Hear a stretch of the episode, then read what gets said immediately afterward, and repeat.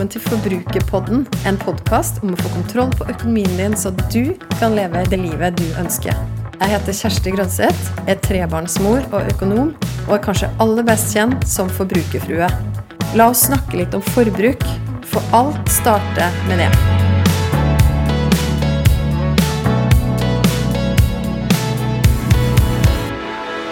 Count your blessings er et ganske så vanlig engelsk uttrykk, som ofte brukes om det å være takknemlig for de gode tingene i livet, og ofte for å hindre seg sjøl i å bli for ulykkelig av de kjipe tingene. Og litt research på opprinnelsen til det uttrykket ja, forresten, vi sier jo ikke så veldig ofte 'tell velsignelsene dine' på norsk, men kanskje du til og med har brukt det engelske uttrykket sjøl. Det viser seg at det kan ha kommet fra en gammel jødisk tradisjon, hvor folk skulle samle på 100 ting å være takknemlige for i løpet av én dag. Og det skulle hjelpe de å holde seg oppe gjennom hele dagen. Hvor rik er du egentlig? Det er lett å tenke at svaret på det finnes i banken, i verdien av aksjefondene dine, eller verdien på boligen din, lønnsslippen eller skatterista som ble publisert denne uka, og hvor de som er nysgjerrige nok, allerede har søkt opp hvor mye du hadde i inntekt i fjor. Ja, for du kan faktisk se det. Du kan gå inn på å søke statistikk, og så se hvem som har vært nysgjerrige nok til å også avsløre det sjøl. For det her blir nemlig åpent for alle hvem som har søkt på hvem. Det som er med takknemlighet, er at det gjør det du allerede har, til nok. Og istedenfor å gå rundt og kjenne oss misfornøyd og klage over de tingene vi ikke har, er det mulig å fokusere litt mer på å glede oss over det vi har. Ja, De tingene her høres utrolig fine ut, og så er det likevel ganske vanskelig i praksis. Og de tingene som egentlig fortjener størst takknemlighet i livet vårt, de tar vi ofte for gitt. Og det er så mye lettere, av sammenligning og alt mulig rart, så er det så mye lettere å bli distrahert og gå og tenke at andre har det bedre enn oss, og begynne å føle oss miserable. Og det kan bli en kjip, nedadgående spiral. Men ok, vi skal snakke om hvor rik du faktisk er i denne episoden her, og jeg har lyst til å oppmuntre deg. Ja, det handler om takknemlighet, og det handler om hva du fokuserer på. Du, jeg hørte om en ideell organisasjon som hver gang de skulle ha et møte hvor økonomistatus var en del av det, så starta de alltid det møtet med å snakke om alt de var takknemlige for når det gjaldt økonomi i denne organisasjonen og om alle de tidligere gangene hvor det hadde ordna seg på gode måter med penger. For et fantastisk perspektiv!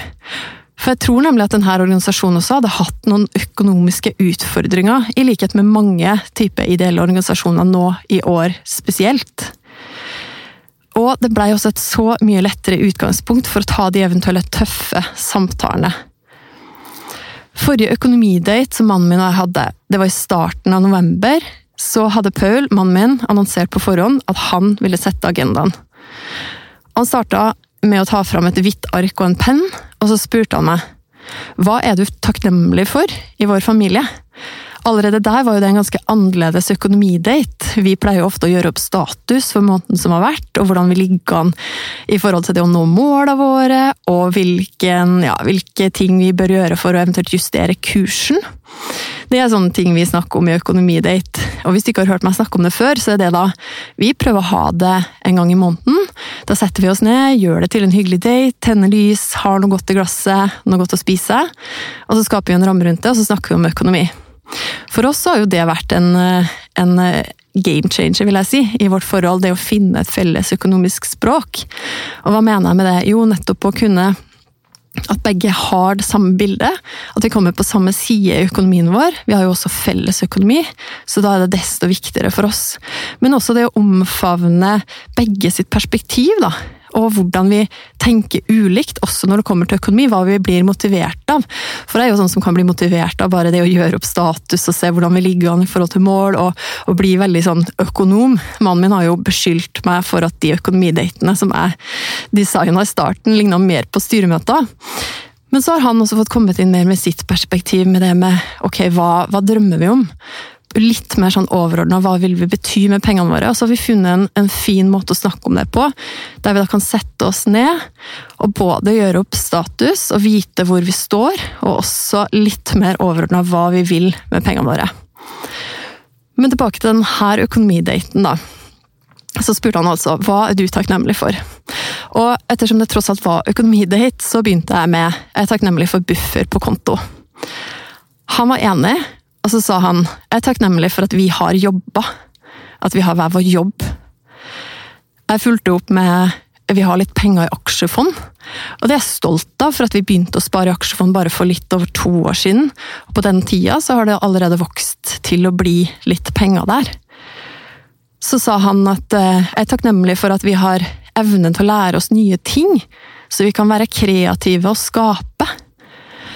Vi har folk rundt oss, vi har et nettverk, vi har nære relasjoner.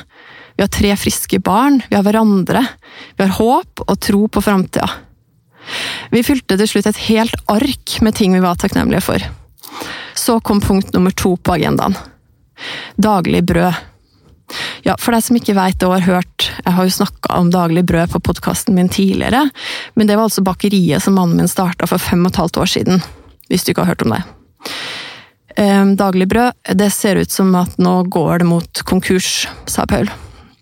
Ja, og vi hadde vært vant til flere runder i løpet av de fem og et halvt åra der, og forresten så er jo det lengre enn veldig mange bedrifter faktisk lever. Det er jo en sånn magisk femårsgrense som vi da klarte å komme oss over. Men vi hadde vært vant til at det var mange runder med usikkerhet, og der det så ut som det nesten skulle gå konkurs. Men så Pøl har jo sagt at sjøl at det her var bakeriet med ni liv, for at det ordna seg liksom alltid.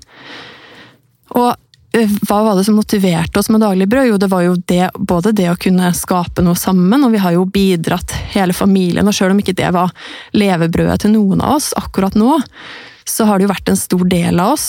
Og vi har eh, ja, vært med og bidratt på forskjellige måter.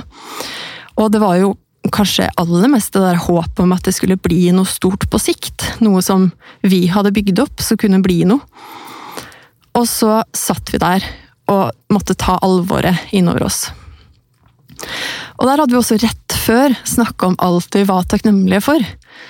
Ja, vi visste at konkurs det betydde at vi kom til å tape litt penger, fordi vi hadde garantert for noen investeringer tidligere, og noen lån. Men vi hadde buffer. Og det var ekstra lett å komme på den, fordi den sto øverst på lista på det første arket. I tillegg hadde vi akkurat snakka om alt det vi har som ikke handla om penger i banken. Og det igjen var nok en game changer. Det ble en fantastisk økonomidate. En av de beste noensinne, vil jeg si. Tro på at det her skulle gå bra, og to hjerter som var fylt av takknemlighet.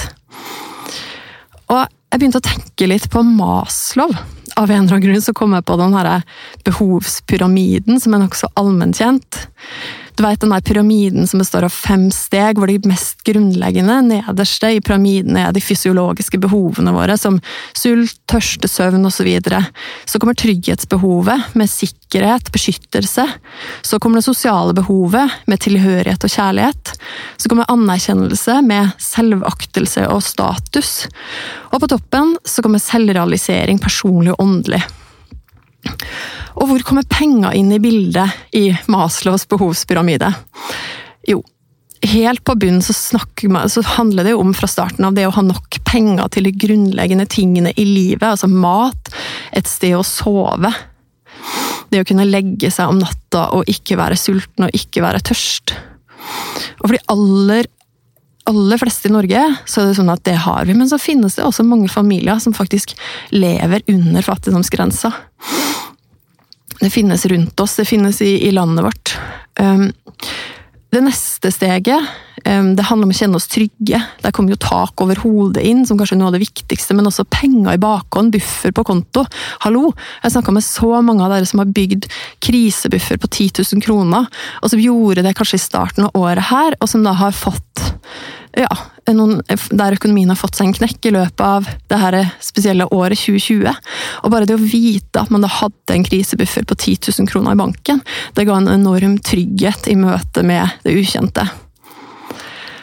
Så de neste stegene handler jo om sosiale behov, anerkjennelse, selvrealisering. Og spesielt når det gjelder sosiale behov og anerkjennelse, så tenker jeg at når man snakker om det med tilhørighet og kjærlighet, selvaktelse og status, det er her vi ofte begynner å rote det litt til. da og kanskje blande inn penger og behov for at noens behov for å høre til. altså Det er jo helt naturlig.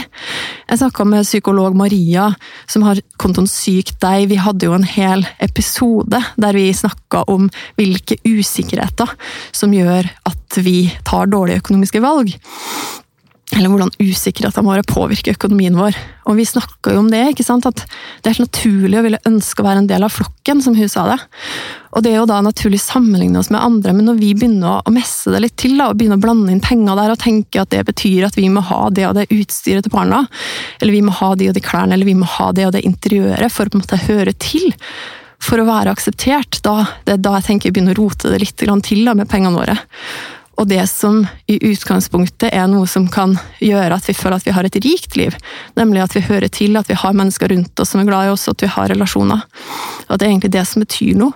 Men så begynner vi å blande inn penger i det, og da kan det hende at vi ender opp med minus på konto, bare for å ja, kanskje imponere noen andre, eller Og det høres litt sånn der kunstig ut når jeg sier det sånn, men jeg tror det er mange, inkludert meg sjøl, som kjenner seg igjen i at vi har faktisk tatt noen valg, brukt mer penger enn det vi hadde, for å imponere noen andre, eller for å bare enkelt, enkelt sagt høre til. Identifisere oss. Og også når det gjelder det med status altså, og, og selvaktelse, hvordan jeg tenker om meg sjøl. Jeg blir fort utrolig opptatt av hva de andre skal tenke om meg. Og der også kan det jo føre til at vi bruker unødvendig mye penger, og at det ikke nødvendigvis gir meg rik, et rikere liv. Om jeg oppnår det, om jeg får de pengene som jeg tenker at jeg drømmer om, at jeg får muligheten til å på en måte kjøpe meg den statusen som jeg tror jeg vil ha. Men så er det ikke det som virkelig gjør meg rik. Det siste, selvrealisering, altså det kan jo handle om det å på en måte det som Paul har snakka om, nå, som vi var takknemlige for, det er å lære noe nytt. Men, men har jo også tro på at det handler jo om å, om å kunne drømme store drømmer. Og, og, for all del, jeg tror penger er en del av det. Og jeg tror jo på at prinsippet Eller jeg tror jo på prinsippet også om å få mest mulig ut av pengene. Men det i seg sjøl blir så fattig, da, hvis ikke det store perspektivet er landa. Og er jo den som motiverer deg til å få kontroll på økonomien din, så du kan leve det livet du drømmer om. Men kanskje handler det vel så mye om selvaktelse? At du skal få være stolt av deg sjøl? At du skal få kjenne at pengene dine skal kunne bety noe? Både for deg i ditt liv, men også for de rundt deg.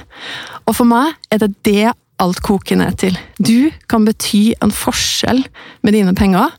I ditt eget liv, i din egen familie, i verden. Så hvordan finner du ut hvor rik du faktisk er? Nei, jeg tror ikke du finner selve fasiten på det i skattelista eller i nettbanken din. Jeg tror det handler om at du går ut i dag og ser rundt deg og begynner å telle. Og se hvor langt du kommer, kanskje når du 100 innen uka er over. Og gjør det veldig praktisk og konkret for deg sjøl. Hvis du ikke allerede gjør det, begynn å skrive ned det du er takknemlig for. Gjør det til gjerne en daglig vane, der du skriver ned én ting, to ting, tre ting som du er takknemlig for. Og da, et, det beste tipset som jeg har hørt når det gjelder det å være takknemlig, og skrive det ned, det handler faktisk om å se etter de små tingene. Se etter alt det som har skjedd i løpet av det siste døgnet. Og så, selvfølgelig i tillegg til de store tingene i livet, men tenk gjennom der også. Hva er det du faktisk har, som du, du har i hendene, som, som, kan bli noe, eller som du kan gjøre noe med, som du kan påvirke noen andre med, eller som gjør at både din verden blir bedre, og andre sin verden blir bedre. Gå ut i dag og tenk på det i bakhodet, begynn å skrive det ned, og så ønsker jeg deg en helt fantastisk dag, og lykke til med tellinga. Jeg vil gjerne vite hva du tenker etter å ha hørt episoden. Så koble med meg på Instagram. Der finner du meg som Forbrukerfrue. Send meg en melding. Tagg meg gjerne i Story og del episoden her hvis du likte den. Eller send meg spørsmål. Og husk å abonnere på podkasten Forbrukerpodden, så får du beskjed hver gang det kommer en ny episode. Vi høres!